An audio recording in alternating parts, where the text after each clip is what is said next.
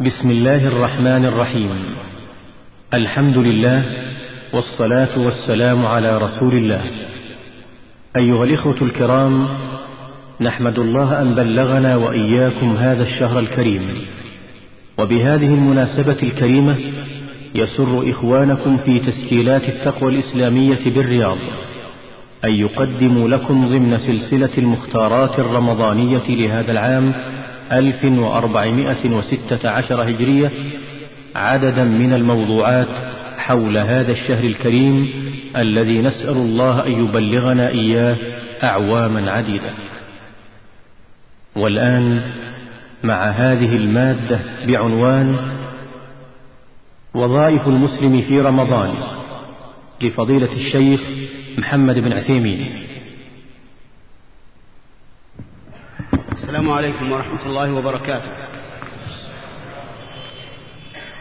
إن الحمد لله نحمده ونستعينه ونستغفره ونعوذ بالله من شرور أنفسنا ومن سيئات أعمالنا. من يهده الله فلا مضل له ومن يضلل فلا هادي له. وأشهد أن لا إله إلا الله وحده لا شريك له. وأشهد أن محمدا عبده ورسوله. صلى الله عليه وعلى آله وأصحابه ومن تبعهم بإحسان إلى يوم الدين. أما بعد فهي في هذه الليلة ليلة الثلاثاء الثالث والعشرين من شهر شعبان عام خمسة عشر وأربعمائة وألف نلتقي بإخواننا في مسجد الأمير المتعب في جدة. نلتقي بهم ونحن في استقبال شهر رمضان المبارك الذي الذي بين الله تعالى فيه. أنه أنزل فيه القرآن. هذا القرآن الذي هو منهاج هذه الأمة إلى يوم القيامة. كما قال الله تبارك وتعالى ونزلنا إليك الذكر لتبين للناس ما نزل إليهم ولعلهم يتفكرون. وقال تعالى ونزلنا عليك الكتاب تبيانا لكل شيء وهدى ورحمة وبشرى للمسلمين. وقال الله تبارك وتعالى كتاب أنزلناه إليك مبارك ليتدبروا آياته وليتذكر أولو الألباب. وقال تعالى يا أيها الناس قد جاءتكم موعظة من ربكم وشفاء لما في الصدور وهدى ورحمة للمؤمنين. والآيات في الثناء على كتاب الله تعالى كثيرة. وكذلك الأحاديث الثابتة عن رسول الله صلى الله عليه وعلى آله وسلم. هذا الشهر الذي أنزل الله فيه القرآن يقوم الناس فيه بعبادات تختص به. أهمها الصيام الذي هو أحد أركان الإسلام.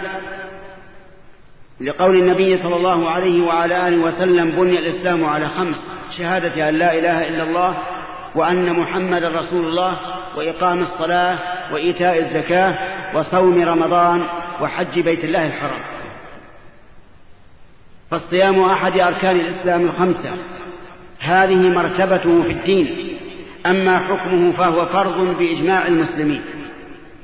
استنادا إلى كتاب الله وسنة رسول الله صلى الله عليه وعلى آله وسلم لقول الله تعالى يا أيها الذين آمنوا كتب عليكم الصيام كما كتب على الذين من قبلكم لعلكم تستقون أيام معدودات إلى أن قال شهر رمضان الذي أنزل فيه القرآن. فيا ترى ما هي الحكمة من الصيام؟ أهي أن يجوع الإنسان أو يعطش ويترك النساء؟ أم ماذا؟ استمع إلى بيان الحكمة في كتاب الله وسنة رسول الله صلى الله عليه وعلى آله وسلم. يا أيها الذين آمنوا كتب عليكم الصيام كما كتب على الذين من قبلكم. لماذا؟ لعلكم تتقون. ولعل هنا للتعليل أي لأجل أن تتقوا الله عز وجل فإن الصيام الشرعي الحقيقي يحمل الإنسان على تقوى الله. واستمع إلى قول النبي صلى الله عليه وعلى آله وسلم من لم يدع قول الزور والعمل به والجهل فليس لله حاجة في أن يدع طعامه وشرابه. إذا ما الحكمة من الصيام؟ أن يدع الإنسان قول الزور والعمل به والجهل. ولذلك ينهى الإنسان عن فعل المحرمات في شهر رمضان ولا سيما نهيا خاصا. قال النبي صلى الله عليه وسلم إذا كان يوم صوم أحدكم فلا يصخب ولا يرفع وإن سابه أحد أو قاتله فليقل إني صائم. حتى المكافأة لا تكافئ أحدا في السب وفي المشاتمة وفي المقاتلة أيضا. يعني في المدافعة بالأيدي والضرب بالأيدي وما أشبهها لا لا تقابل أحدا أو تكافئه في في حال الصوم. في حال الصوم. وإذا سابك أحد فلا تقف أمامه. موقف الضعيف المهين. ولكن قل إني صائم. يعني ولم يمنعني من مكافأتك والرد عليك إلا أني إيش؟ صائم حتى ينكف عن شره ويعلم أن عندك من القوة ما تستطيع أن, تدافعه به ولكن منعك الصيام من ذلك. وإن الصيام تكليف لكنه تكليف له ثوابه المرجو عند الله. اختص الله به. فقال الله تعالى في الحديث القدسي كل ابن عمل آدم له الحسنة بعشر أمثالها إلا الصوم. إلا الصوم. فإنه لي وأنا أجزي به. من دون مقابلة ومكافأة يزيد به الله عز وجل جزاء لا حص له ولا حساب. لأن الصوم من الصبر وقد قال الله تعالى إنما يوفى الصابرون أجرهم بغير حساب. وهو تكليف لا نظير له في العبادات. الإنسان في الصلاة يكف عن أشياء مثل الإنسان في الصلاة يكف عن أشياء. مثل الكلام الحركة الكثيرة العبث وما أشبه ذلك. الأكل والشرب أيضا. كذلك الصيام الحج يكف عن أشياء. وهي محظورات الإحرام. لكنه لا يمنع من الأكل والشرب والانبساط مع الناس. الزكاة تكليف مالي. لا ينهى الإنسان قبل إخراجها أن يتكلم مع أحد ولا أن يدع الطعام والشراب. لكن الصيام تكليف خاص يدع الإنسان طعامه وشرابه الذي به قوة بدنه وغذاؤه ويدع شهوته الذي التي بها لذته ابتغاء إيش؟ ابتغاء مرضات الله. ومع هذا فإنه نية في القلب لا يطلع عليه إلا الله. هل الناس يعرفون الصائم إذا كان بينهم؟ لا. لكنهم يعرفون المصلي إذا كان يصلي أمامه. يعرفون الحاج أو المعتمر إذا كان يقوم بالحج والعمرة لكن الصوم لا يطلعون عليه. ولهذا قال بعض العلماء إن الصيام سر بين العبد وبين الله. لا يطلع عليه إلا الله. لهذا يجب أن نحفظ هذا السر وأسأل الله أن يعينني وإياكم على ذلك. يجب أن نحفظ هذا السر بحيث نتقي الله. فنقوم. فنقوم بالواجب. مثل الصلوات في أوقاتها ومع الجماعة إن كان الرجل إن كان الإنسان ممن يطالب بالجماعة. نقوم بالواجب في بر الوالدين وصلة الأرحام وحسن الجوار وطيب الكلام وبشاشة الوجه وأداء السلام وغير ذلك. نترك المحرم كالكذب والغيبة والشتم والسب والغش وقطيعة الرحم وعقوق الوالدين وإضاعة الصلاة وغير ذلك. حتى نخرج من هذا الشهر المبارك المدرسة المربية ونحن أحسن حالا مما دخلنا فيه. لأننا والله لو, لو, قمنا باللازم في مسألة الصيام وكففنا عن المحرم وقمنا بالواجب لأثر ذلك في قلوبنا وسيرنا ومنهجنا. لكن مع الأسف أن كثيرا من المسلمين اليوم يجعل شهر رمضان شهر متعة وتلذذ بأنواع الطعام والشراب. مائدة الإفطار فيها من أنواع المأكولات والحلوى. مائدة العشاء فيها من أنواع الكبسات واللحم وغير ذلك. مائدة السحور كذلك. وفي النهار إيش؟ النوم. إذا في الليل التلذذ بما أباح الله وعلى وجه يكون في بعض الأحيان إسرافا ومجاوزة للحد. ولا أدري كيف نتنعم بهذه النعم ونتلذذ بها ونصل إلى حد الإسراف وإخوان لنا في مشارق الأرض ومغاربها يموتون جوعا. لكن كثير من من الناس ميت الإحساس لا يحس ولا يهتم لا بنفسه ولا بغيره كذلك أيضا كما ذكرتم في, النو في, في, النهار إيش؟ نوم. تجد الإنسان في فراشه منذ يصلي الفجر إن صلاها أيضا إلى أن يصلي الظهر وإلى ثم إلى أن يصلي العصر ثم إلى أن يصلي العصر وهكذا. ما لم يكن ملزما بالقيام بوظيفته. وهذا ليس من دأب الصالحين وليس من دأب السلف. السلف يحرصون على عمارة الليل بالقيام وعلى عمارة النهار بالصيام وقراءة القرآن والذكر والصلاة والصدقة. كان النبي صلى الله عليه وعلى آله وسلم أجود الناس. قال أنس كان النبي صلى الله عليه وعلى آله وسلم أجود الناس. يعني أكرمهم.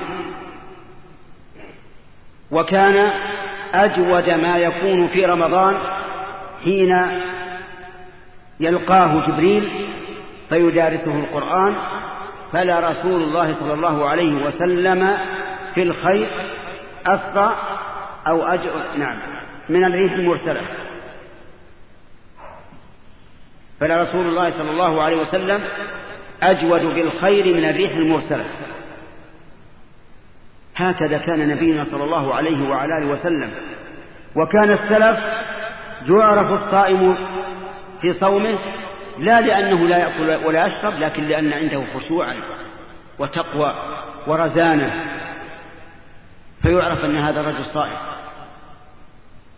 لذلك يجب علي وعليكم أن نعطي رمضان حقه ليلا ونهارا. ثم إن الصيام له شروط. وله آداب وله فضائل إن تيسر لنا أن نتكلم عليها فذاك وإن لم يتيسر ففي كلام إخواننا ما يغني عن ذلك أو الرجوع إلى أشرطة ماضية سابقة وينبغي في هذا الشهر المبارك أن نكثر من قراءة القرآن لأنه الشهر الذي أنزل فيه القرآن والذي كان فيه جبريل ينزل إلى رسول الله صلى الله عليه وعلى آله وسلم فيدارسه القرآن. سواء قرأ الإنسان بنفسه عن ظهر قلب أو من المصحف أو دارس إخوانه. ومدارسة الأخوان أن يجتمع رجلان أو أكثر يقرأ كل واحد منهما صفحة والثاني أخرى أو ثمنا والثاني آخر أو على أي صفة أرادوها حتى تأتلف القلوب على كتاب الله عز وجل. وينبغي لمن قرأ القرآن ولا سيما طلاب العلم أن يتدبروه وأن يقيدوا بعض الآيات المهمة التي تدل على معاني عظيمة حتى يراجعوها في كتب في كتب التفسير المأمونة أو في سؤال العلماء المأمونين.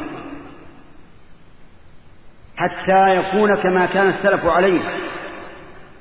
كانوا لا يتجاوزون عشر آيات حتى يتعلموها وما فيها من العلم والعمل. قالوا فتعلمنا القرآن والعلم والعمل جميعا. وليقرأ إنسان كتاب الله وهو على طهارة. لأن النبي صلى الله عليه وعلى آله وسلم قال كرهت أن أذكر الله إلا على طهارة. والقرآن أشرف الذكر. أشرف الذكر كلام الله عز وجل. فينبغي أن يقرأه على طهارة حتى وإن كان يقرأ عن ظهر قلب.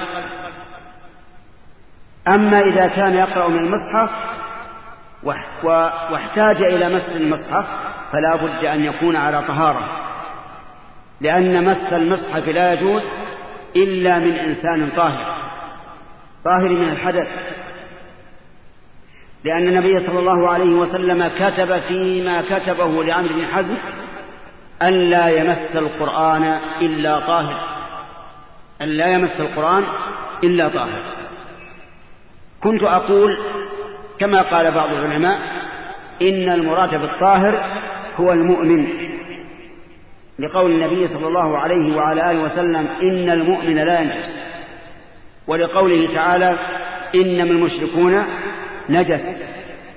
ولكن تبين لي أن المراد بالطاهر الطاهر من الحدث.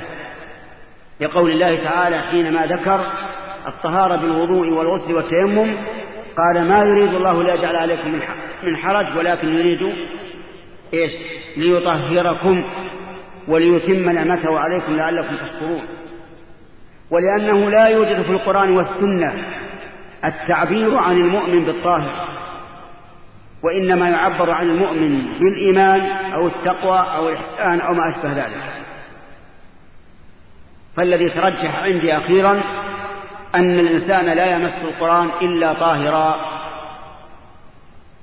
ولكن إذا احتاج إلى أن يمس القرآن وليس على طهارة فلا حرج عليه أن يقلبه بمسواك أو من وراء المنديل أو من وراء الغفرة أو ما أشبه ذلك. ثم أعلم أن القرآن إذا تلوته فسيمر بك آيات فيها سجدات. فهل تسجد؟ أجب يمر بك وأنت تتلو القرآن آيات فيها سجدات. هل تسجد نعم تسجد فكيف سجود التلاوة؟ سجود التلاوة أن يكبر الإنسان إذا سجد. ويقول سبحان ربي, ربي الأعلى ثلاثة. سبحان ويقول سبحانك اللهم ربنا وبحمدك اللهم اغفر لي. ويقول سبوح قدوس رب الملائكة والروح. ويقول اللهم لك سجدت وبك آمنت وعليك توكلت.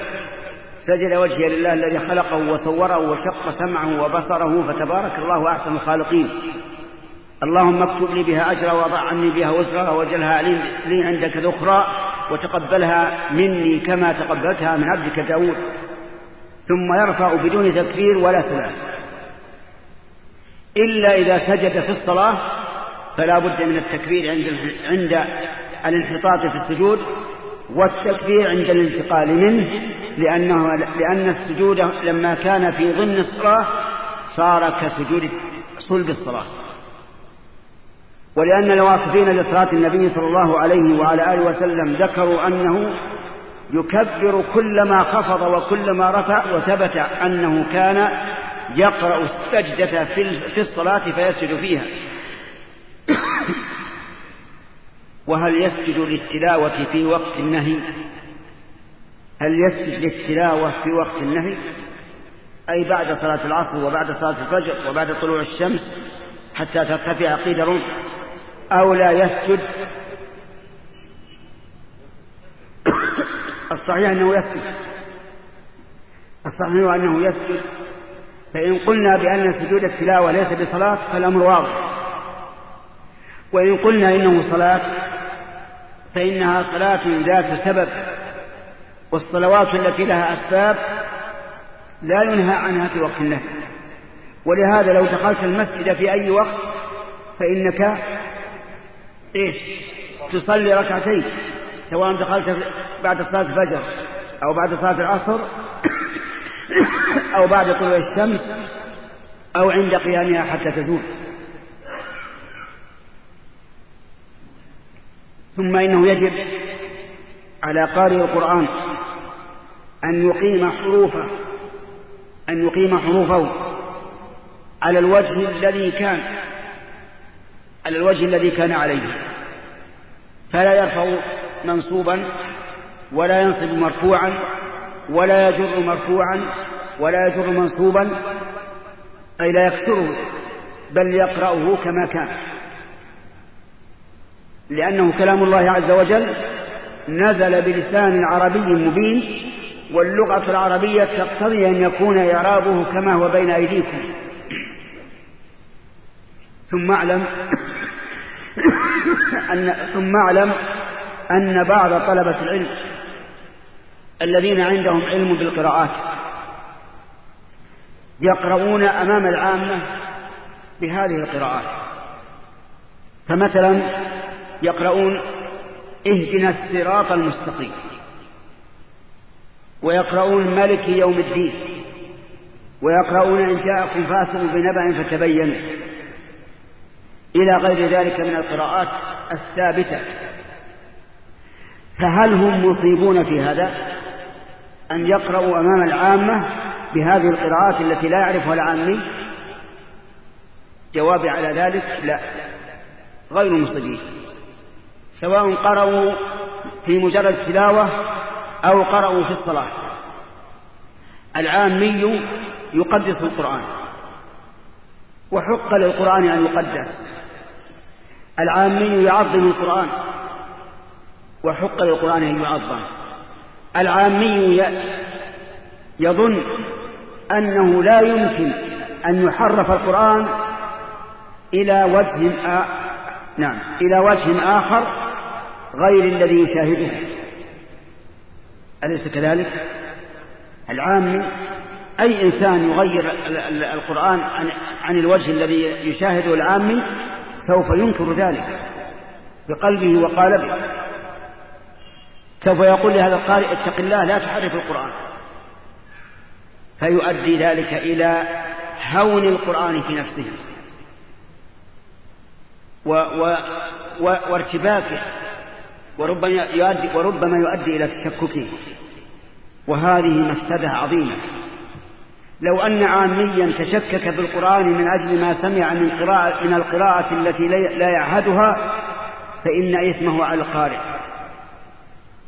نعم لو كان الذي يقرأ الذي تقرأ عنده من طلبة العلم أو كنت تقرأ في مقام التعليم للطلبة فحينئذ لا بأس أن تقرأ بالقراءات الأخرى حتى يتبين.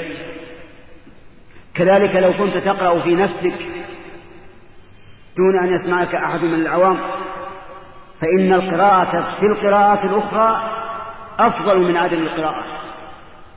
لأنك إذا قرأت أحييت سنة يعني أنت بنفسك اقرأ أحيانا الحمد لله رب العالمين الرحمن الرحيم ملك يوم الدين.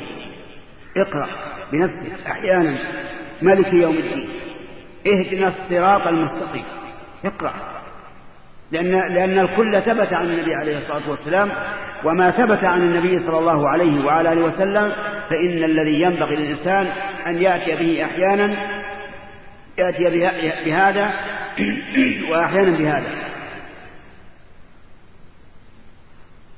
ذكرنا ذكرنا عللا تحدث للعام إذا قرأت بقراءة أخرى غير التي غير التي يشاهد فما الذي ذكرناه من ذلك؟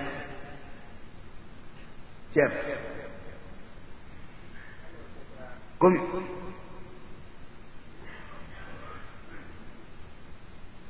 الحمد لله. إيش؟ اي العام إذا سمع قراءة ثانية غير اللي بالمصحف؟ ها؟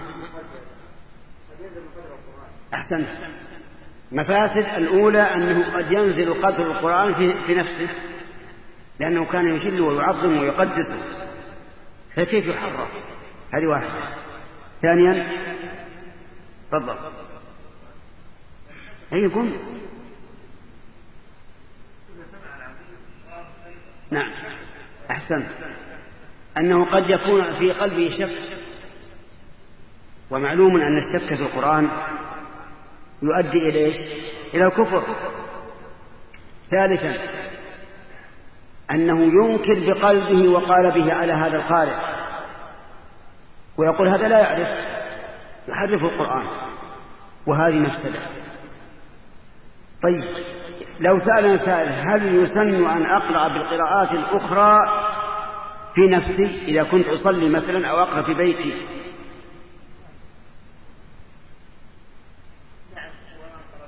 نعم. يسن ذلك؟ أحسن. يسن هذا إذا كنت تعلم أن أنه قد ثبتت هذه القراءة فالأفضل أن تقرأ مرة بهذا ومرة بهذا لأن الكل قد ثبت عن عن النبي صلى الله عليه وعلى آله وسلم. في القرآن في في شهر رمضان. من المميزات القيام. قيام رمضان. والبحث في قيام رمضان من وجوه. أولا هل هو من سنة الرسول عليه الصلاة والسلام أو من سنن عمر رضي الله عنه؟ انتبه. هل هو من سنة الرسول أو من سنن عمر؟ الجواب من سنة الرسول. من سنة النبي صلى الله عليه وسلم بقوله وفعله. أما قوله فقد قال صلى الله عليه وعلى آله وسلم من قام رمضان إيمانا واحتسابا غفر له ما تقدم من ذنبه.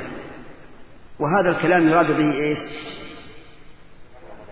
الترغيب والحث على قيام رمضان.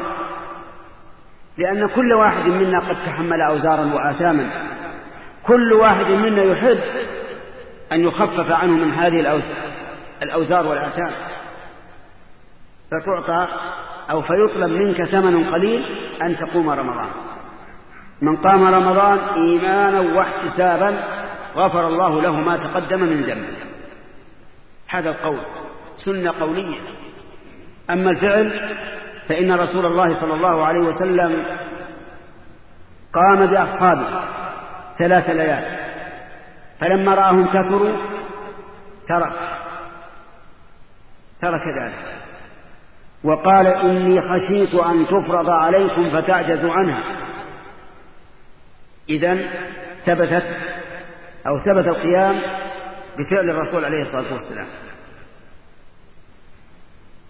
فلا يكون من سنة عمر بل من سنة محمد صلى الله عليه وعلى آله وسلم.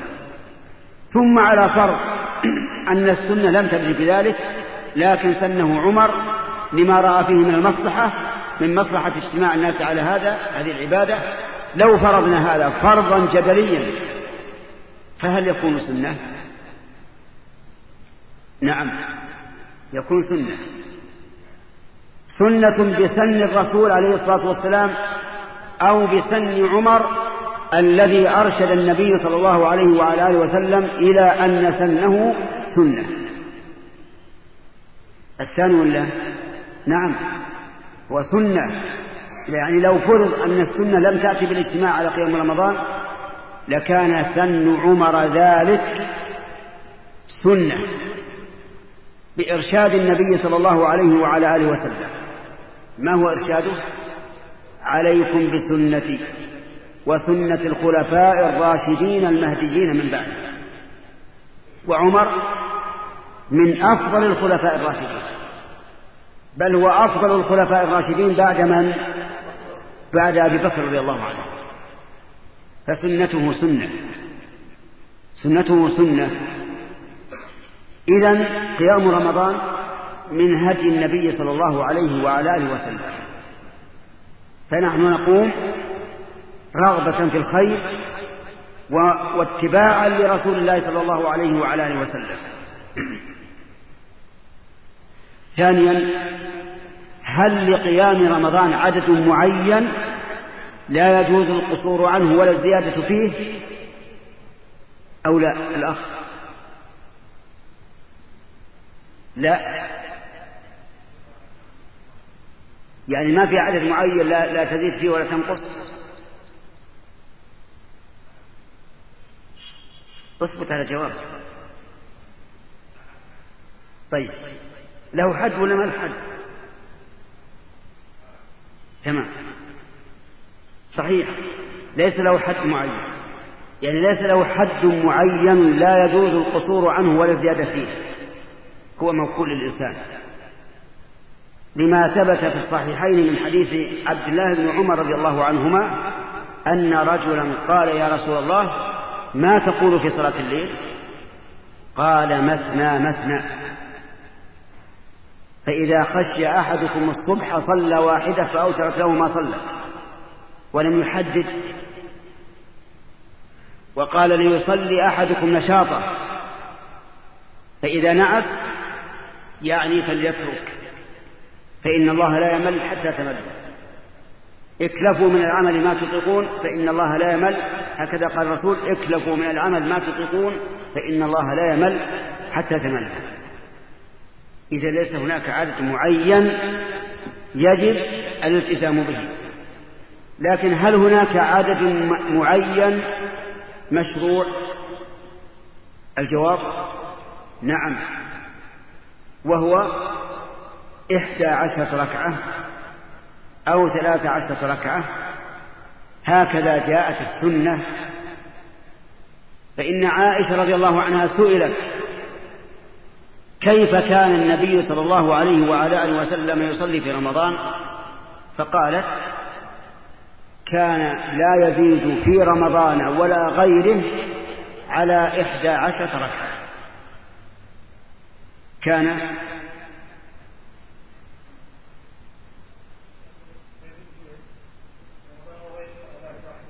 بارك الله فيك. يصلي أربعا.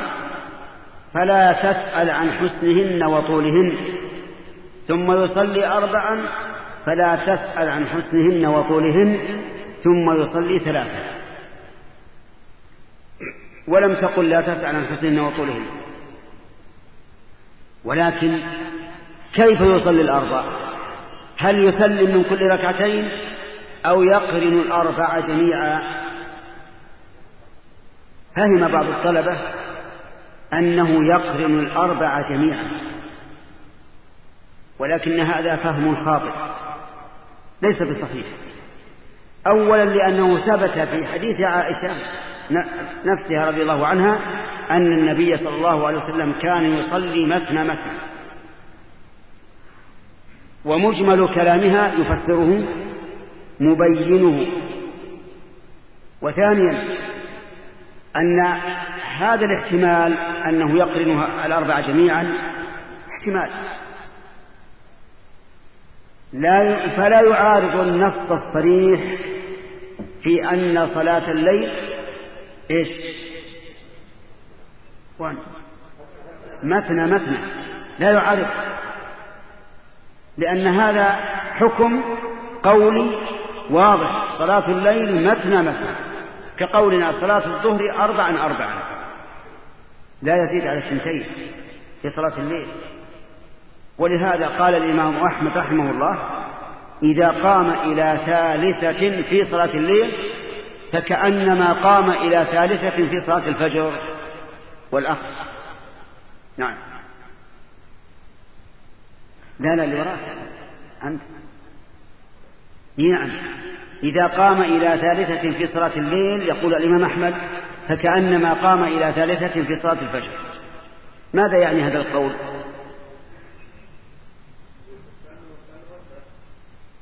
لا. يعني أنه إن لم يرجع بطلت صلاته. كما أنه لو قام إلى ثالثة في الفجر ولم يرجع إيش؟ بطلت صلاته. وإمام أحمد إمام معروف. ولهذا نقول إن حديث عائشة رضي الله عنها يصلي أربعا فلا تسأل عن حسنهن وطولهن ثم يصلي أربعا فلا تسأل عن حسنهن وطولهن لا يدل على أنه يجمع الأربع بل إن هذا المجمل يبينه المفصل في حديثها الثاني أنه يسلم من كل ركعتين ثم يبينه تبينه السنة القولية من رسول الله صلى الله عليه وعلى آله وسلم حيث قال صلاة الليل مثنى مثنى. إذا لماذا قالت يصلي أربعا فلا تسأل عن حسنهن وطولهن ثم يصلي أربعا فلا تسأل عن حسنهن وطولهن؟ لماذا قالت ذلك؟ قالت ذلك لأنه يصلي أربعا ثم يستريح ثم يصلي أربعا فيستريح. ثم يصلي ثلاثة والدليل على هذا أنها قالت ثم يصلي أربعا وثم تفيد عند العلماء علماء العربية تفيد إيش؟ الترتيب بمهلة وتراخي ومن ثم كان السلف يصلون أربعا ثم يستريحون. ثم أربعا ثم يستريحون. ومن ثم سميت هذه الصلاة تراويح لأن السلف كلما صلوا أربعا استراحوا هذا معنى حديث عائشة الذي لا يحتمل غيره. فإن قلت أليس قد ثبت عن النبي صلى الله عليه وعلى آله وسلم أنه إذا أوتر بخمس سردها؟ قلنا بلى لكن الوتر مستثنى. الوتر يجوز أن توتر بثلاث سرجا وبخمس سرجا وبسبع سرجا وبتسع سرجا إلا أنك في التسع تجلس في الثامنة وتتشهد ولا تسلم ثم تقوم فتصلي التاسعة فالوتر مستثنى. وما عدا الوتر فلا صلاة في الليل إلا ركعتين ركعتين. ذكرنا أن العدد المختار كم؟ إحدى عشرة أو ثلاثة عشر. فإن زاد على ذلك وصلى ثلاثا وعشرين فلا حرج.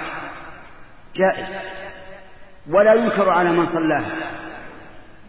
نقول صلي ثلاثة وعشرين ما في مال عشرين صلاة ليل تراويح وثلاث وترا لا لا مانع. طيب فإن قال أريد أن أصلي تسعا وثلاثين ركعة. قلنا لا مانع.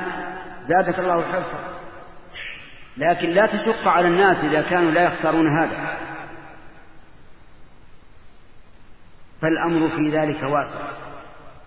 وأما ما يفعله بعض الإخوة نسأل الله لهم الهداية ولنا من أنه إذا زاد الإمام على إحدى عشرة انفصلوا عنه وشدوا عنه جماعة.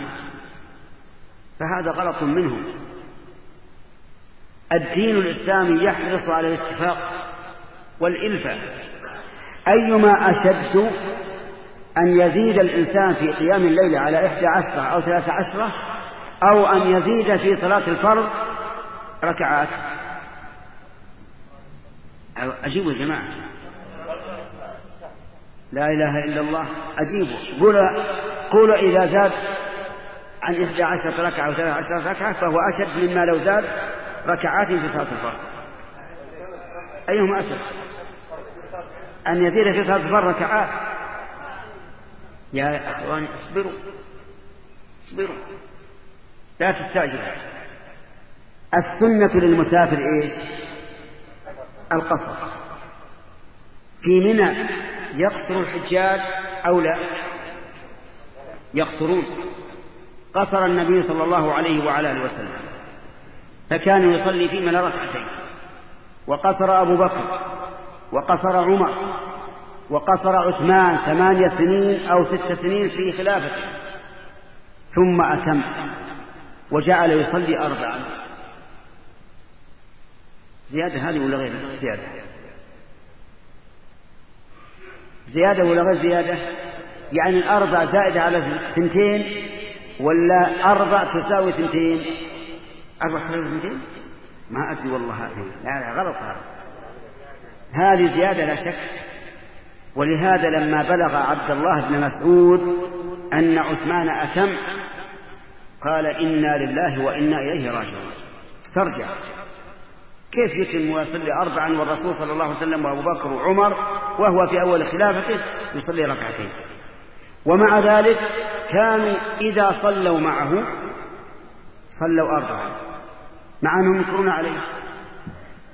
ولما قيل لابن مسعود يا أبا عبد الرحمن كيف تنكر على عثمان أن صلى أربعا ثم تصلي معه أربعا؟ قال الخلاف شر. فقه الصحابة الخلاف يعني الاختلاف شر. ولهذا نقول لهؤلاء الأخوة إن السنة أن توافقوا إمامكم لأنه لم يفعل منكرا.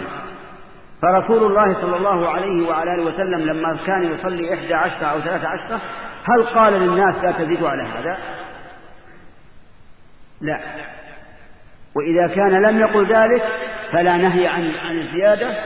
وحينئذ كيف ينفرد الإنسان عن جماعة المسلمين في أمر فيه سعة هذا من قلة الفقه. من قلة الفقه في الدين وقلة الفقه في الواقع أيضا. لأن هذا يفرق الأمة ويسيء السمعة. الصحابة رضي الله عنهم وافقوا على أمر أنكروه خوفا من إيش؟ من الفتنة والاختلاف. الإمام أحمد كان يرى أن لا قنوت في صلاة الفجر. يرى أنه لا قنوت في صلاة الفجر. ولكنه قال رحمه الله إذا اعتم الإنسان بمن يقنط في صلاة الفجر فليتابعه وليؤمن على دعائه مع أني لا أرى أنها سنة. لكن أتابعه وأؤمن على دعائه خوفا من إيش؟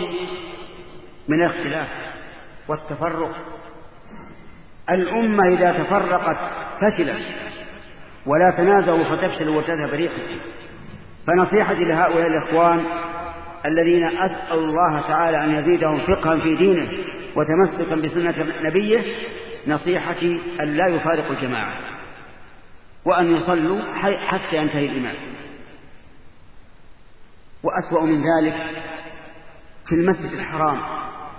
الناس يصلون ويتعبدون لله وهم يتقهون ويتكلمون ويشوشون على الناس. وهذا خطأ. لأن نقول لهم إما أن تصلوا مع المسلمين وإما أن تخرجوا إلى بيوتكم. ولا تكونوا مع الناس يصلون وأنتم جالسون. وإذا كان الإنسان لا يصلي جماعة مع جماعة أخرى في مسجد واحد فما بالك بالذي؟ إيش؟ يترك الصلاة وهو جالس يتحدث إلى صحبه ويشرب الشاي والقهوة. ولهذا أنا والله آسف أن يكون الناس في ذهابهم إلى المسجد الحرام في رمضان يذهبون وكأن الأمر عادي لا تعبدي. كان شيء عادة. كأنهم يذهبون إلى نزهة. لأن الذي يذهب للعبادة يتعبد ويخشع ويتأثر. ليس يذهب إلى هناك التفكر فنسأل الله أن يثبتنا وإياكم على الحق. إذا في رمضان صيام وإيش؟ وقيام وقراءة قرآن أيضا الصدقة. في رمضان. الصدقة في رمضان. كان النبي صلى الله عليه وعلى آله وسلم أجود ما يكون في في رمضان. ولهذا ينبغي للإنسان أن يجود في رمضان بماله ونفسه فيتصدق على إخوانه بالمال ويتصدق على إخوانه بالمعونة فيما يحتاجون إلى المعونة فيه وغير ذلك. لأن هذا الشهر شهر الجود والكرم. يجود الله فيه على العباد والله تعالى جواد يحب الجود وهو عفو يحب العفو محسن يحب الإحسان. فلذلك ينبغي لنا في رمضان أن نحسن إلى عباد الله بالصدقة بالمال وبالصدقة بالإطعام. ولهذا جاء في الحديث من فطر صائما كان له مثل أجره من غير أن ينقص من أجل الصائم شيء. فينبغي أن نشارك في إفطار الصائمين. حتى وإن كانوا أغنياء إذا أفطروا فإنهم يدخلون في عموم الحديث من فطر صائما فله مثل أجره. اعتاد الناس أو كثير من الناس أن يخرجوا الزكاة في رمضان. لماذا؟ لأن الزكاة من الصدقات. قال الله تعالى إنما الصدقات للفقراء والمساكين والعاملين عليها والمؤلفة قلوبهم وفي الرقاب والغارمين وفي سبيل الله وابن السبيل. إنما الصدقات. ما المراد بالصدقات هنا؟ الزكاة الزكوات. الزكوات. اعتاد كثير من الناس أن يخرجوا زكاتهم في رمضان. وهذا حسن لأن هذا الشهر شهر شهر, شهر الجود والكرم. ولذلك ينبغي للإنسان أن يخرج زكاته طيبة بها نفسه. راجيا الثواب من الله والخلف العاجل لا يخرج الزكاة وهو متكرر.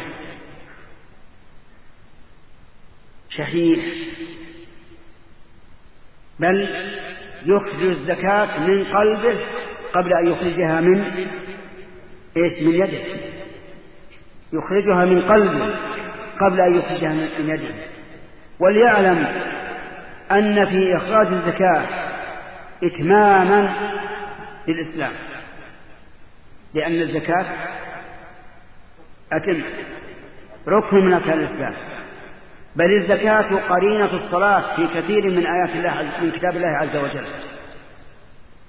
فهي أهم أركان الإسلام بعد الصلاة. فليخرجها يرجو بذلك إتمام إسلامه والثواب. هل في الصدقة ثواب؟ الأخ الذي على العمود. اللي جنبك. أنت مثل عن أنت ومتك على العمود. اذكر لي من آية من كتاب الله تدل على ثواب الصدقة التي أول ما يدخل فيها الزكاة.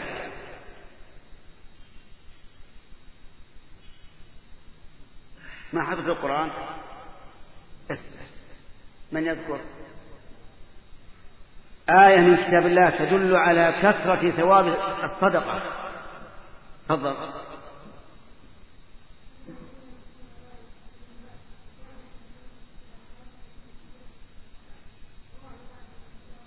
أحسنت. بارك الله فيك. مثل الذين ينفقون أموالهم في سبيل الله كمثل حبة أنبت السبع سنابل. في كل سنبلة مئة حبة. كم تكون الحبة؟ كم يا أخوان؟ كمثل حبة واحدة أنبت السبع سنابل في كل سنبلة مئة حبة. واضح كم يكون؟ يكون الحسنة بسبعمائة. سبعمائة. ولا ما ما ليس, ليس هذا فقط. والله يضاعف لمن يشاء. يعني هناك أضعاف كثيرة. تنبني على النية. تنبني على طيب القلب. تنبني على الإيقان بأن الله تعالى سيخلف عليه ويثيبه. والله يضاعف لمن يشاء. وأخبر النبي صلى الله عليه وعلى آله وسلم أن من تصدق بعدل تمرة أي بما يعادل تمرة من طيب. ولا يقبل الله إلى الطيب فإن الله تعالى يأخذها بيمينه فيربيها. كما يربي أحدكم فلوة. أخونا. ما هو الفلو قم. آه طيب تفضل. ولد المعز؟ الشيخ هذا. أنت راعي غنم الظاهر. طيب تفضل. أحسنت. يعني الحصان الصغير. كما يربي أحدكم فلوة والمربي لفلوة لا شك أنه يعتني به كثيرا. حتى تكون مثل الجبل. تمرة تكون مثل الجبل. كم ضعفت سبعمائة؟ عجيب يا أخوان. تمرة مثل الجبل. ضعفت سبعة ألاف أو سبعة ملايين. والله يضاعف لمن يشاء. لكن الرسول قال من طيب. من طيب. هكذا في رواية مسلم من طيب وليس من كسب طيب. قال من طيب. ليعم الطيب في كسبه والطيب في عينه. يا جماعة؟ الربا خبيث. من حيث الكسب ولا من حيث المال المرابى به؟ من حيث الكسب. وإلا فهو دراهم. ما هي خبيثة؟ لكن من حيث الكسب. الخمر الكسب بالخمر من حيث عينه خبيث بعينه ولا خبيث بكسبه؟ بعينه. ولهذا جاء الحديث من طيب دون من كسب طيب. على كل حال الزكاة صدقة مضاعفة. ولكن يجب أن يكون الإنسان مخرجا لها من قلبه قبل إيش؟ قبل أن يخرجها من يده.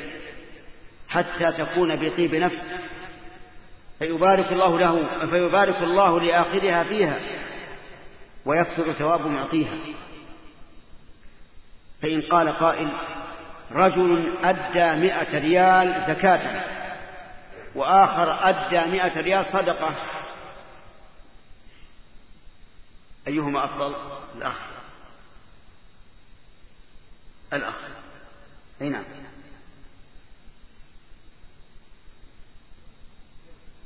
السؤال. أنا إنما اخترت أن تقوم أنت لأن في ظني أنك سارح. المكان ضيق؟ عذر غير مقبول. تفضل.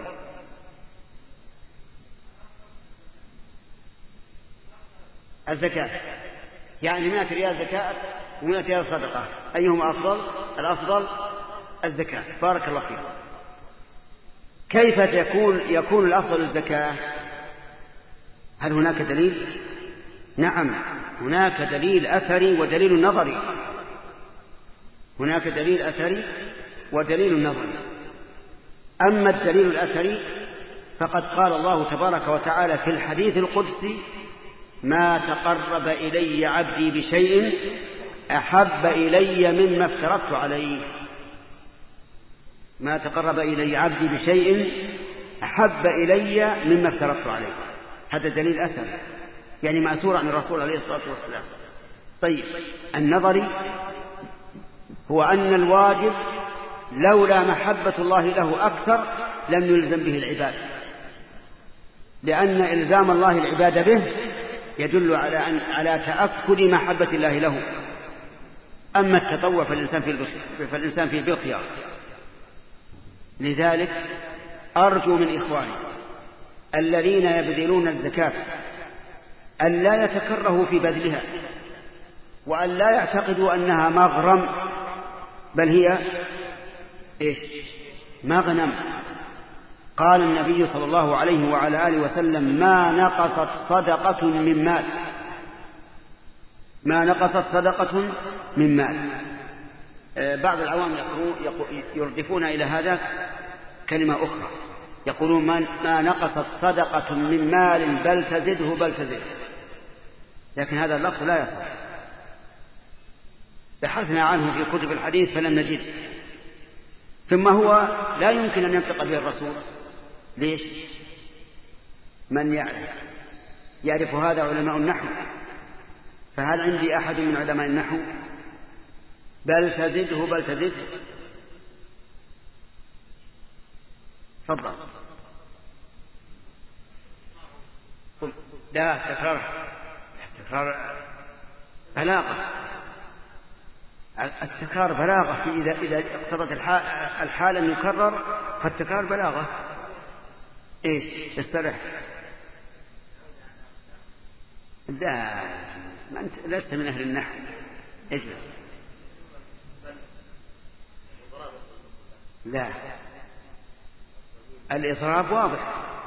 ما نقصت صدقة من مال ثم أضرب وقال بل تزيد بل تزيده بل تزيد ما شاء الله لا قوة إلا بالله. الظاهر أنه ليس عندنا أحد يفهم النحو.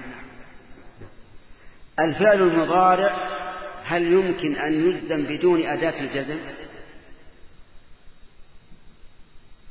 لا. وتزده مجزوم. والمرفوع أن يقال إيش؟ تزيده. وهنا لا داعي للجزم. لأنه, لأنه مسبوق ببل وهي ليست من أدوات الجزم. فالمهم أن هذه اللفظة لم تصح عن الرسول عليه الصلاة والسلام وهي أيضا خطأ من جهة النحو والإعراب. لا تطابق اللغة العربية. فأقول يا أخواني لا تظنوا أن الزكاة مغرم بل هي والله مغنم. تنمي المال. يبارك الله فيه بها. يؤجر الإنسان عليها. وكل امرئ في ظل صدقته يوم القيامة. انتبه هذه فائدة. كل امرئ في ظل صدقته يوم القيامة. والرجل إذا تصدق بصدقة فأخفاها حتى لا تعلم شماله ما تنفق يمينه كان ممن يظله الله في ظله يوم لا ظل إلا ظله. إذا ابذل الزكاة ونفسك بها طيبة وبنفس سمحة حتى يبارك الله فيها لمن أخذها ويبارك لك في مالك ويزيد حسناتك وأظن أن الوقت لا يتسع الآن لشرح شروط الصيام وشروط الزكاة وهو وهي والحمد لله موجودة في أشرطة سابقة فمن ابتغاها فليطلبها. أسأل الله سبحانه وتعالى أن يعيننا وإياكم على ذكري وشكري وحسن عبادته وأن يجعلنا في استقبال هذا الشهر المبارك أهل عزيمة وصدق وإخلاص حتى لا يفوت علينا الزمن. والله إن الأزمان لا تفوت وإن الإنسان لمفرد رمضان العام رمضان العام الماضي كأنه إيش؟ كأنه أمس. اثنا عشر شهرا مضت من عمر من عمر الإنسان وكأنها ساعة واحدة. وهكذا المستقبل كله كالماضي. يمضي سريعا. لهذا ينبغي لنا أن نغتنم الأوقات. فلعل, فلعل رمضان لا يعود إلى الإنسان بعد عامه هذا.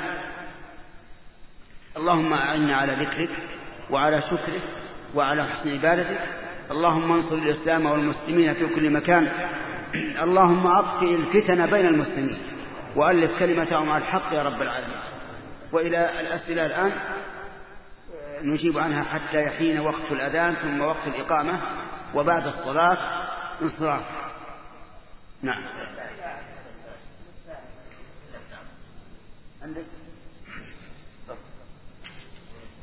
جزا الله خيرا شيخنا الفاضل سماحة الشيخ محمد بن صالح العثيمين على هذه الكلمات الضافيات. التي بين فيها بعضا من أهم وظائف المسلم في هذا الشهر المبارك الكريم القادم علينا. ثم ننتقل إلى الأسئلة التي وردت وهي أسئلة كثيرة ونعتذر آه، سلفا للإخوة الذين لا نستطيع أن نذكر كل أسئلتهم ونقرأ ما نرى أنه آه، الأهم. أخ يسأل يقول لقد نهى النبي صلى الله عليه وآله وسلم عن صيام النصف الأخير من شعبان وقد كان النبي صلى الله عليه وآله وسلم أكثر ما يصوم بعد رمضان شعبان فإنني لم أستطع أن أصوم من أول شعبان وذلك لأجل الامتحانات ولم تنتهي إلا في نهاية نصف شعبان الأول فهل أستطيع أن أصوم من النصف الأخير أم لا؟ قال الإمام أحمد رحمه الله في حديث النهي عن صوم عن الصوم بعد نصف رمضان بعد نصف شعبان وهو قوله إذا انتصف شعبان فلا تصوم قال الإمام أحمد إن هذا الحديث شاذ والشاذ يعني أنه إيش؟ ضعيف لأن من شرط الصحيح أن يكون غير معلل ولا شاذ. واستدل لشذوذه بما ثبت في الصحيحين أن النبي صلى الله عليه وعلى آله وسلم قال لا تقدموا رمضان بصوم يوم ولا يومين إلا رجل كان يصوم صوما فليصمه وإذا كان هذا النهي غير ثابت بل هو شاذ فإني أقول لهذا الأخ الذي اشتغل في الامتحان عن صيام أول شعبان صم ما بقي منه وأسأل الله لي ولك القبول. نعم. أخ آه، يقول إن له أخا مريضا يقول ويطلب من سماحتكم الدعاء له وأن يؤمن الجمهور على ذلك. وهل هناك مريض آخر؟ وثان وثالث ورابع وخامس؟ وسادس موجود المرضى كثير.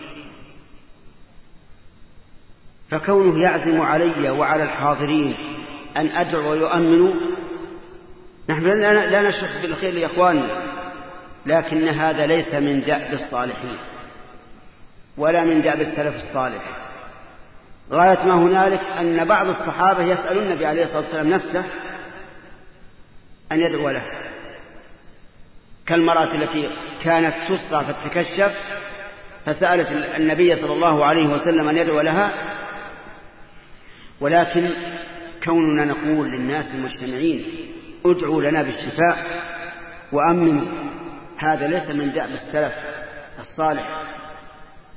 بل قال شيخ الإسلام ابن تيمية رحمه الله إن الدعاء إن طلب الدعاء من الغير قد يكون داخلا في المسألة المذمومة أي من سؤال الناس.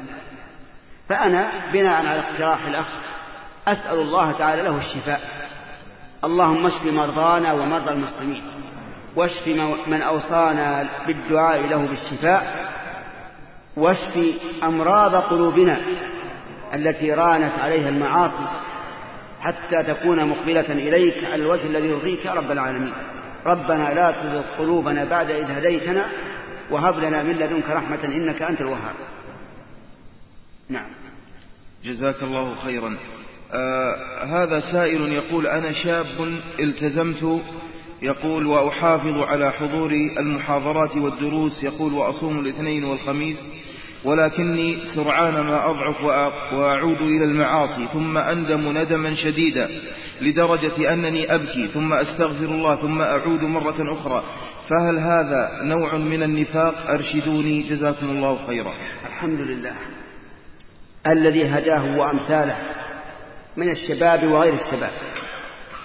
ولكني أقول لكم أيها الأخوان قال الشيطان لرب العالمين فبما أغويتني لأقعدن لهم صراطك المستقيم ثم لآتينهم من بين أيديهم ومن خلفهم وعن أيمانهم وعن شمائلهم. من كل الجهات. تأمل هذه الكلمات من عدوك إبليس. لأقعدن لهم صراطك المستقيم ولم يقل على صراطك ولم يقل في صراطك. لماذا؟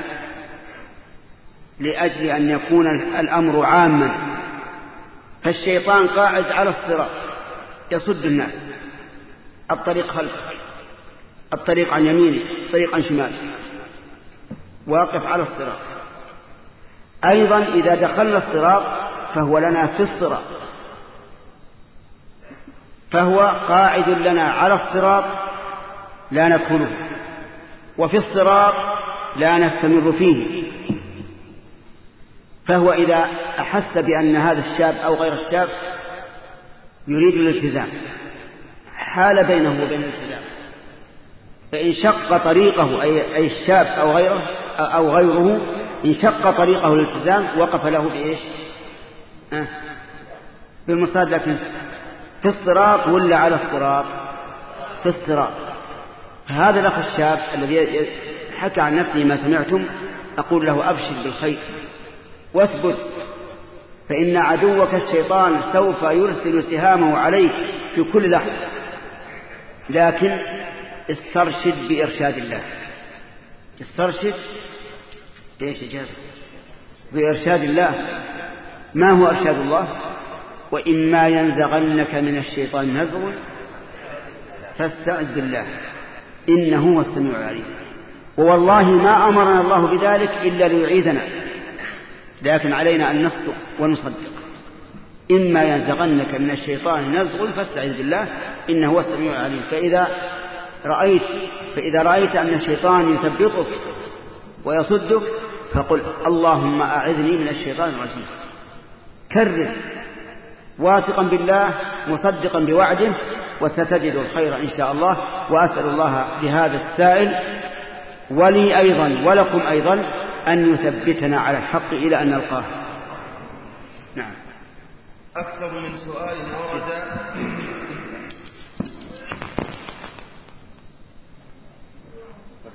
أكثر من سؤال ورد بخصوص مسألة ومن تلك الأسئلة التي وردت آه، يقول آه، إن الآيات التي وردت في ذم الحسد معلومة.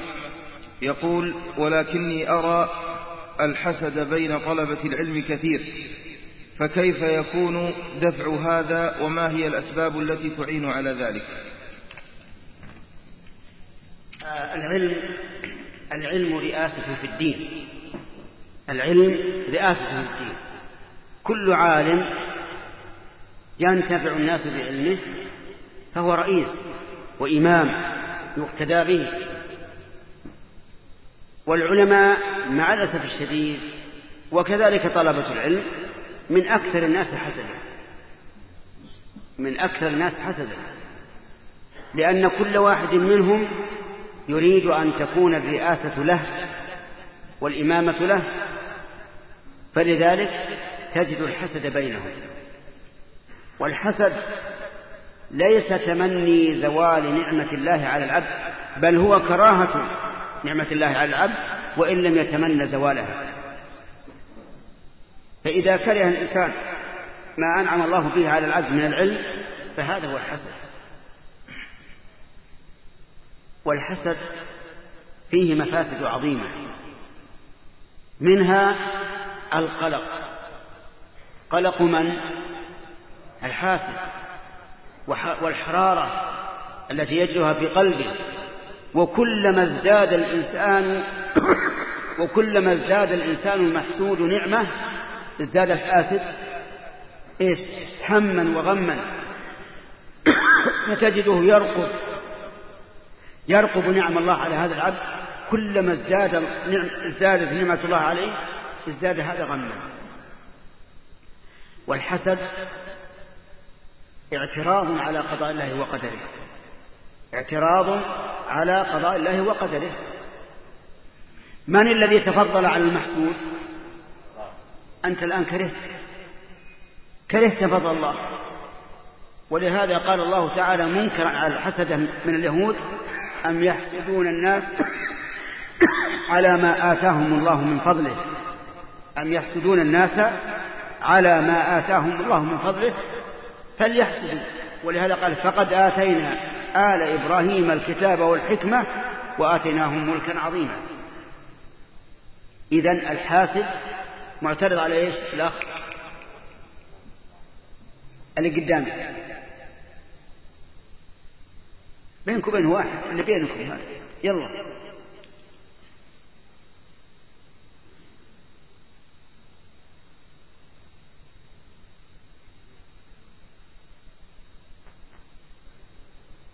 السؤال لو كنت منتبها ما سألت. وين رحت؟ نعم.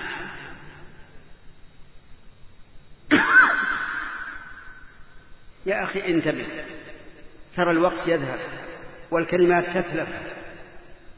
انتبه من يعرف الذي تفضل؟ أحسنت. الحسد اعتراض على قضاء الله وقدره الدليل؟ أنت.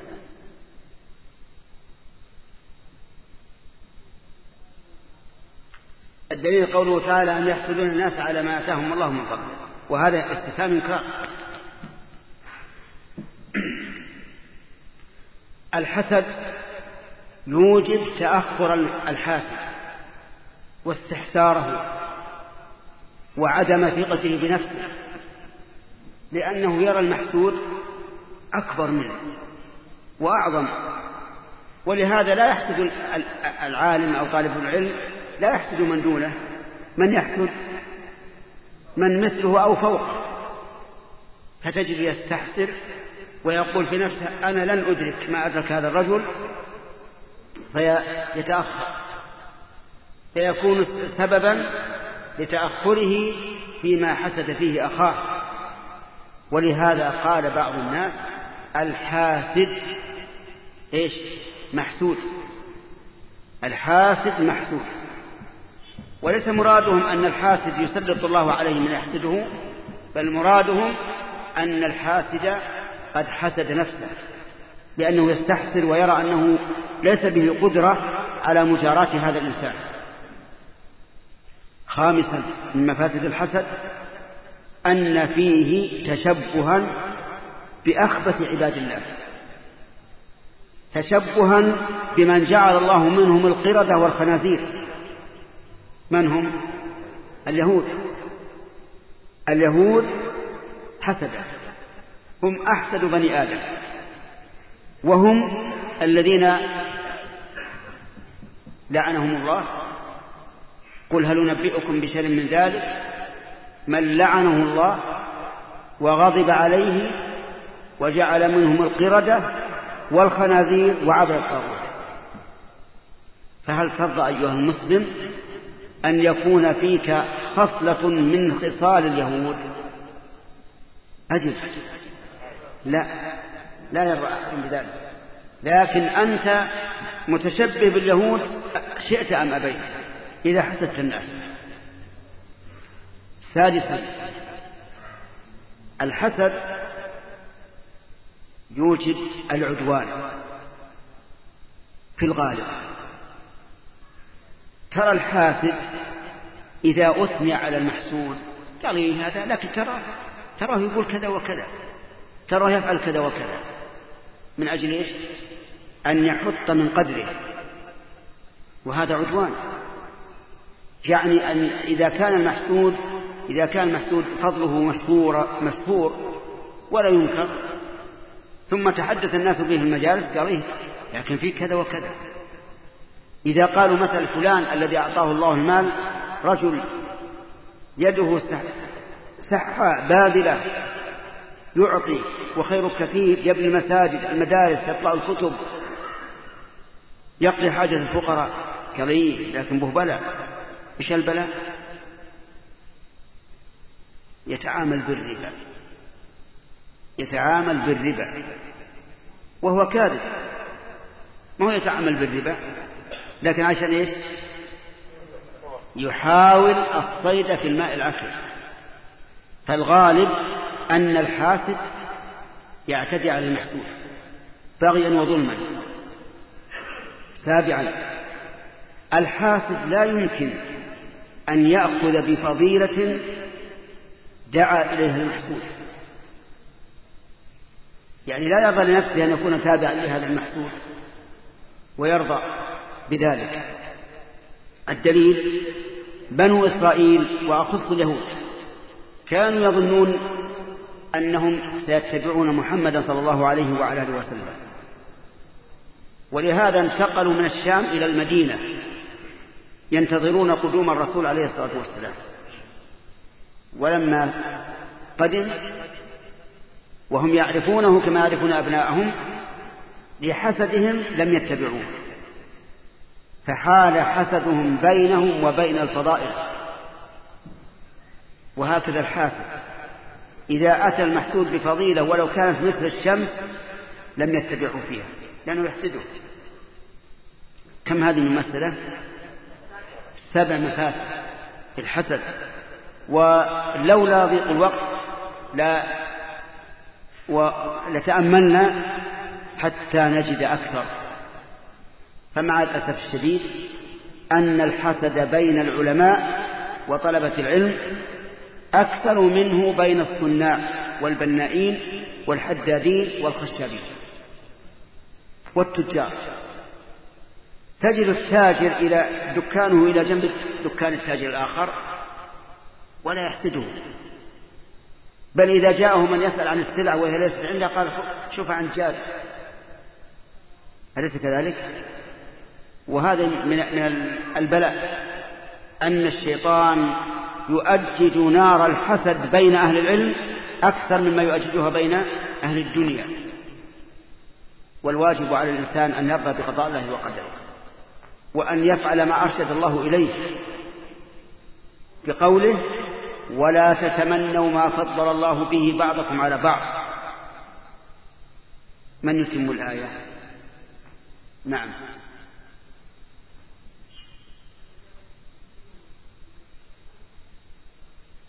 وللنساء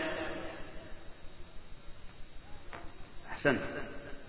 يعني لا تتمنوا ما فضل الله بعضكم على بعض أن الله يحرم هذا الذي فضله ويعطيكم الفضل. لا. ولكن اسأل الله من فضله. فأنت إذا رأيت أن الله أنعم على أخيك بنعمة علم أو مال أو أهل أو أي شيء لا تحسده. اسأل الله من فضله. فالذي أعطاه قادر على إيش؟ على أن يعطيه. نعم. سائل يسأل عن كلمة دارجة بين أهل هذه الديار وهي أنه إذا ورد أو إذا جاءهم ضيف قالوا نورت البيت. نورت البيت. فهل هذه العبارة جائزة وهل هي من الكذب؟ آه، لا أدري ما ماذا يرجون بنورت البيت. هل معناه أن هذا الرجل رجل صالح عالم يدعو للخير فالخير نور والعلم نور. وأما إذا كانوا يقولون نورت البيت وهم لا يعتقدون أنه نور بل ظلمة لكن أرادوا أن أن يجاملوا بالكلام فهذا لا, لا فهذا من النفاق. فالإنسان قد ينور البيت يعني نورا معنويا. إذا كان عالما يلقي مسألة علم يعلم. إذا كان رجلا صالحا يدعو إلى الخير والحق. هذا من النور. نعم. سائل يسأل عن دعاء القنوت. أي قنوت النوازل. يقول متى يكون وما هي صفته؟ القنوت؟ نعم. نعم. قنوت النوازل آه، ليس كل نازلة يكون فيها قنوت فمثلا إذا حصل جهاد بين المسلمين والكفار وغلب المسلمون فهذا لا قنوت فيه. وذلك لأن هذا الأمر وقع في عهد الرسول عليه الصلاة والسلام وفي عهد الخلفاء الراشدين ولم يقنطوا لهذا. في أحد كانت الهزيمة على الجيش الإسلامي ولم يقنطوا وكذلك في حنين وغيرها وإن كان العاقبة والحمد لله للمتقين في حنين. ولكن إذا حصل عدوان فاضح من الكفار على المسلمين فحينئذ يكون القنوت. قنت النبي عليه الصلاة والسلام على من قتلوا؟ إيش؟ القرة لأنه عدوان فاضح ما فيه مجابهة ومقاتلة. فإذا حصل مثل هذا شرع القنوت. لكن مع ذلك إذا أمر ولي أمرنا أن نقنت فلنفعل. حتى وإن كان في نازلة جهاد أو قتال. نقاتل آه، آه، نقنت والقنوت يكون في الفجر والمغرب أوكد من غيرهما. ويكون أيضا في بقية الصلوات. واستثنى الفقهاء رحمهم الله صلاة الجمعة. قالوا لا قنوت فيها. لئلا يشق على الناس الدعاء في القنوت مع الجلوس مع الخطبة ولأنه في الغالب يكون دعاء للمسلمين في أثناء الخطبة. ولهذا استثنوا الجمعة من بين الصلوات. والقنوت في النوازل ليس كما يظن بعض العوام. أن يقنت بدعاء الوتر. هذا غير صحيح. يعني سمعت بعض الأئمة يقول نعم سمعت أن بعض الأئمة يقنت فيقول اللهم اهدنا فيمن هديت وعافنا فيمن عافيت وتولنا إلى آخره. هذا ليس بصحيح. دعاء النازلة يكون حسب النازلة. فإذا كان عدوان كفار على مسلمين تقول اللهم أهلك هؤلاء الكفار اللهم كن في نحورهم وبالدعاء المناسب نعم.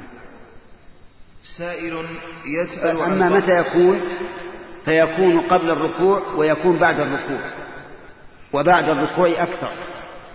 يعني السنة التي وردت بعد الركوع أكثر من قبل الركوع. ولكن الأمر واسع إن شئت فاقنت إذا انتهت القراءة قبل أن تركع وإن شئت فبعد الركوع وغالب عمل الناس عندنا أن يقنتوا متى؟ بعد الركوع. والخروج عما يألفه الناس من الأمور المشروعة قد يكون غير مرغوب فيه. نعم. سائل يسأل عن قضية تتكرر كل سنة وهي أن بعض أئمة المساجد يتركون المصلين في العشر الأواخر ويذهبون إلى الحرم للصلاة هناك وحضور الدروس. وبعضهم يوكل بعض صغار الطلبة في تحفيظ القرآن فهل من نصيحة؟ نعم. فيه نصيحة إن شاء الله. بعض الأئمة نسأل الله لنا ولهم الهداية يتركون مساجدهم ويذهبون إلى مكة بعضهم من أول الشهر وبعضهم من العشر الأواخر. وهذا خطأ. أولا لأنهم تركوا واجبا عليهم وهو القيام بوظيفة المسجد. فهم إذا بقوا في مساجدهم وصلوا بالمسلمين أدوا الواجب عليهم وأحلوا ما لهم من المكافأة من بيت المال. ولا حرج أن يذهبوا يوما واحدا إلى مكة ويؤدوا العمرة في رمضان ويرجعوا لكن يبقون كل الشهر غلط كذلك أيضا يذهبون إلى مكة بعضهم في العشر الأواخر لحضور الدروس أو للاعتكاف أو للقيام. وهذا أيضا غلط لأن بقاءهم في مساجدهم يؤدون به واجبا. وأداء الواجب كما قررنا الآن أفضل من إيش؟ أداء الواجب أفضل من إيش؟ من النوافل. فكونهم يبقون في مساجدهم يؤدون الواجب عليهم وينصحون إخوانهم ويتكلمون بما يناسب هذا خير لا شك. والاعتكاف كما يجوز في المسجد الحرام يجوز أيضا في المساجد الأخرى. قال الله تعالى ولا تباشروهن وأنتم عاكفون في المساجد. وما يروى عن النبي صلى الله عليه وسلم من حديث حذيفة أنه قال لا اعتكاف إلا في المساجد الثلاثة. هذا ضعيف. وعلى تقدير صحته فالمراد به لا اعتكاف تام أو أكمل إلا في المساجد الثلاثة. ومعلوم أن الصلاة في المساجد الثلاثة أفضل وأن الاعتكاف فيها أفضل لكن ليس معنى ذلك أن يدع الإنسان ما أوجب الله عليه من القيام بالوظيفة ويذهب إلى المسجد الحرام أو إلى المسجد النبوي. نعم. سؤال في البيع يقول ما حكم البيع آه، على التصريف؟ أي نأخذ البضاعة وعندما تباع يأخذ البائع ثمن ثمنها والذي لم يبع منها يرد لصاحب البضاعة. نعم. هذه المسألة تقع على صورتين. الصورة الأولى أن يشتري على التصريف. بمعنى أن ما يصرفه من هذه البضاعة فقد تم شراؤه وما لا يصرفه يرد. وحينئذ نسأل في هذه الصورة هل المبيع معلوم؟ أجيب. إذا قدرنا أنها مئة, مئة طرد وقال ما تصرف فالبيع عليه تام وما لم يتصرف أرده عليه هل المبيع الآن معلوم؟ ربما يتصرف عشرون طردا وربما يتصرف خمسون. وربما يتصرف ثمانون وربما تتصرف كلها. وحينئذ يبقى المبيع إيش؟ مجهولا. يبقى المبيع مجهولا. الصورة الثانية أن يأخذ المبيع على أن البيع شامل له ولكن إذا لم يتصرف منه شيء رجع إلى البائع وقال أنا لم آه وقال إنه بقي هذا الجزء من المبيع فأقلني فإذا أقاله هنا فلا بأس. لكن هذه الإقالة بلا شرط. كذلك فيما يبدو لي أنه لو قال آخذ منك هذه الطرود كل طرد منها بخمسة على حسب ما, ما أصرف. فالظاهر أيضا أن فالظاهر أن هذا لا بأس به. لأن العقد هنا وقع على إيش؟ على كل فرد بعينه. فهو كما استؤجر علي بن أبي طالب رضي الله عنه على السقيا من البئر كل دلو بتمرة. ولم, يحد ولم تحدد الدلاء. هذا أيضا إذا قال آخذ منك الطرود هذا كل طرد بخمسة فهذه فهذا لا بأس إذا أخذ عشرة فهي بعشر فهي بخمسين وإذا أخذ أكثر وأقل فبحسبه. على أن الصورة الأولى وهي أن يأخذ على التصريف أنا لا أستطيع أن أجزم بأنها حرام. ما دام الطرفان قد, قد رضي بذلك. لأن هذا سيؤول فيما بعد إلى العلم. وإن كان حين العقد غير معلوم لكنه سيؤول إلى العلم. وحينئذ أقول الصور كم؟ الصور ثلاث. الصورة الأولى أن يأخذه على التصريف فيقول أخذت منك هذه الطرود من الطرد على أن ما تصرف منها فقد تم فيه العقد وما لم يتصرف ردوا عليه. هذه الورع تركها لأن فيها شيء من الجهالة. والإنسان الورع يتركها لكنني لا أستطيع أن أقول إنها حرام. الصورة الثانية أن يقول خذ مئة هذه الطرد كل طرد بخمسة مثلا. ثم يأخذها ويصرف ما, ما, ما شاء فهذا لا بأس به ويستدل له بما بماذا؟ بحديث علي أنه استقى ماء من البئر كل, كل دلو بتمرة ولم تحدد الدلاء. هذا كل طرد بخمسة ولم يحدد ما في بأس.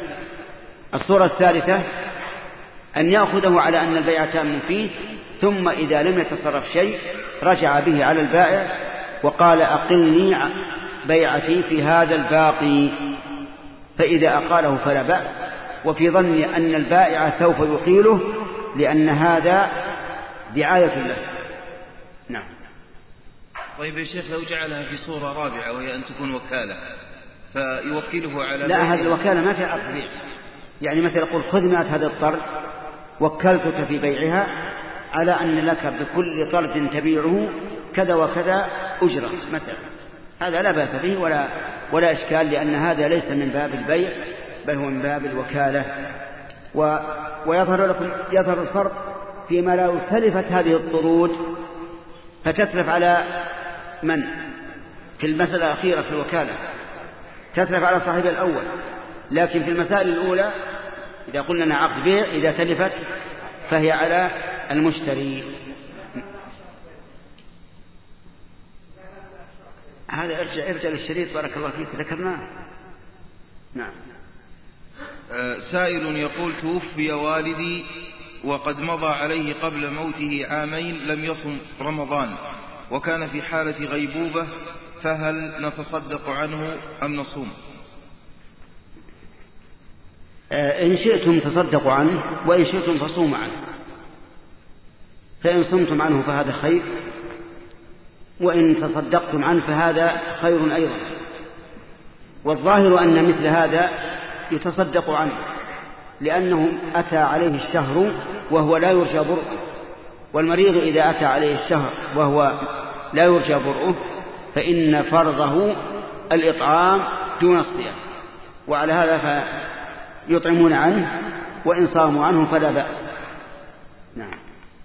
سائل يقول جاء في الحديث يقال لصاحب لقارئ القرآن اقرأ ورقة فإن منزلتك عند آخر آية تقرأها. يقول فهل معنى ذلك؟ أن يكون القرآن يقول كان حافظه غيبا كان حافظه غيبا أو أنه يكفي أن يداوم على القراءة من المصحف؟ نأمل الإيضاح وجزاكم الله خيرا. أرجو أن يكون مثل هذا الحديث الذي رتب فيه الثواب على قراءة القرآن شاملا لمن يقرأه حفظا عن ظهر قلب أو نظرا في المصحف لأن الأحاديث عامة وإن كان الغالب في عهد الرسول عليه الصلاة والسلام أن الناس قد قرأوا قد حفظوا القرآن عن ظهر قلب. لكن إذا أخذنا بالعموم ورجونا فضل الله ففضل الله واسع. نعم. وفي نهاية هذا اللقاء نسأل الله سبحانه وتعالى أن يضاعف مثوبة شيخنا الفاضل سماحة الشيخ محمد العثيمين على هذه الكلمات التي نسأل الله سبحانه وتعالى أن ينفعنا جميعا بها ونسأله تعالى ألا يتفرق هذا الجمع إلا بذنب مغفور وعيب مستور وصلى الله وسلم على نبينا محمد وآله وصحبه. شكر الله لفضيلة الشيخ على ما قدم وجعله في موازين عمله. هذا ونود أن نذكر الإخوة المستمعين بقائمة مختارات التقوى لهذا العام 1416 هجرية وهي كما يلي العتاق الأول شريط قرآن. كيف نستقبل رمضان؟ للشيخ سعيد بن مسفر حال السلف في رمضان؟ للشيخ عمر العيد. فتاوى وأحكام. للشيخ عبد الرحمن البراك. فضل الذكر في رمضان للشيخ عبد الله السعد. الفائزون في رمضان للشيخ إبراهيم الدويش. لماذا نخسر رمضان للشيخ إبراهيم الدويش؟ هدايا للصائمين. غزوة بدر للشيخ عبد الرحمن المحمود. تربية الأسرة من خلال شهر رمضان للشيخ عبد العزيز الغيمشي فرصة لا تعوض. للأخوين سليمان الجبيلان وصالح الحمودي. وظائف المسلم في رمضان. لفضيلة الشيخ محمد بن عثيمين. مختارات من أحاديث رسول الله صلى الله عليه وسلم.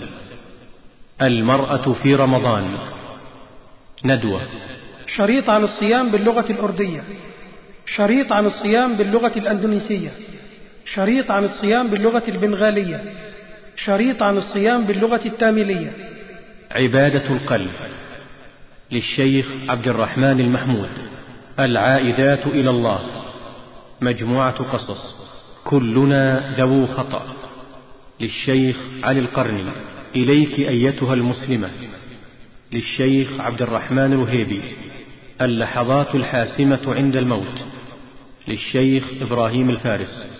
من يحول بينك وبين التوبة للشيخ عمر العيد ولو ترى إذ وقفوا على النار للشيخ سعيد بن مسفر محرمات استهان بها كثير من الناس للشيخ محمد المنجد المحرومون للشيخ إبراهيم الدويش العشر الأواخر للشيخ محمد الشنقيطي. عيدكم مبارك إصدار عن العيد. عشر وقفات بعد رمضان للشيخ محمد المنجد. بالإضافة إلى مكتبة المنزل الصوتية وهي عبارة عن دولاب خشبي مع مسجل. ومكتبة المطبخ الصوتية وهي عبارة عن دولاب خشبي مع مسجل. أيها الإخوة بموجب فهرس تسجيلات التقوى فإن رقم هذا الشريط هو أحد عشر ألفا وخمسمائة وستون.